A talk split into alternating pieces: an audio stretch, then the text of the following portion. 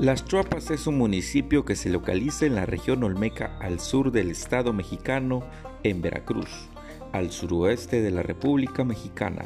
Limita con los municipios de Utzpanapa, Minatitlán, Molocán y Agua Dulce.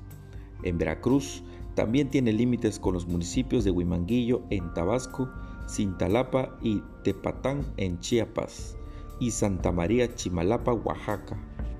Las Chuapas tienen un lugar el cruce de los ríos Pedregal, Tonalá y Nanchital. Además cuenta con las lagunas de San Pedro y Tecuanapa y los arroyos Remolino y el arroyo Las Chuapas.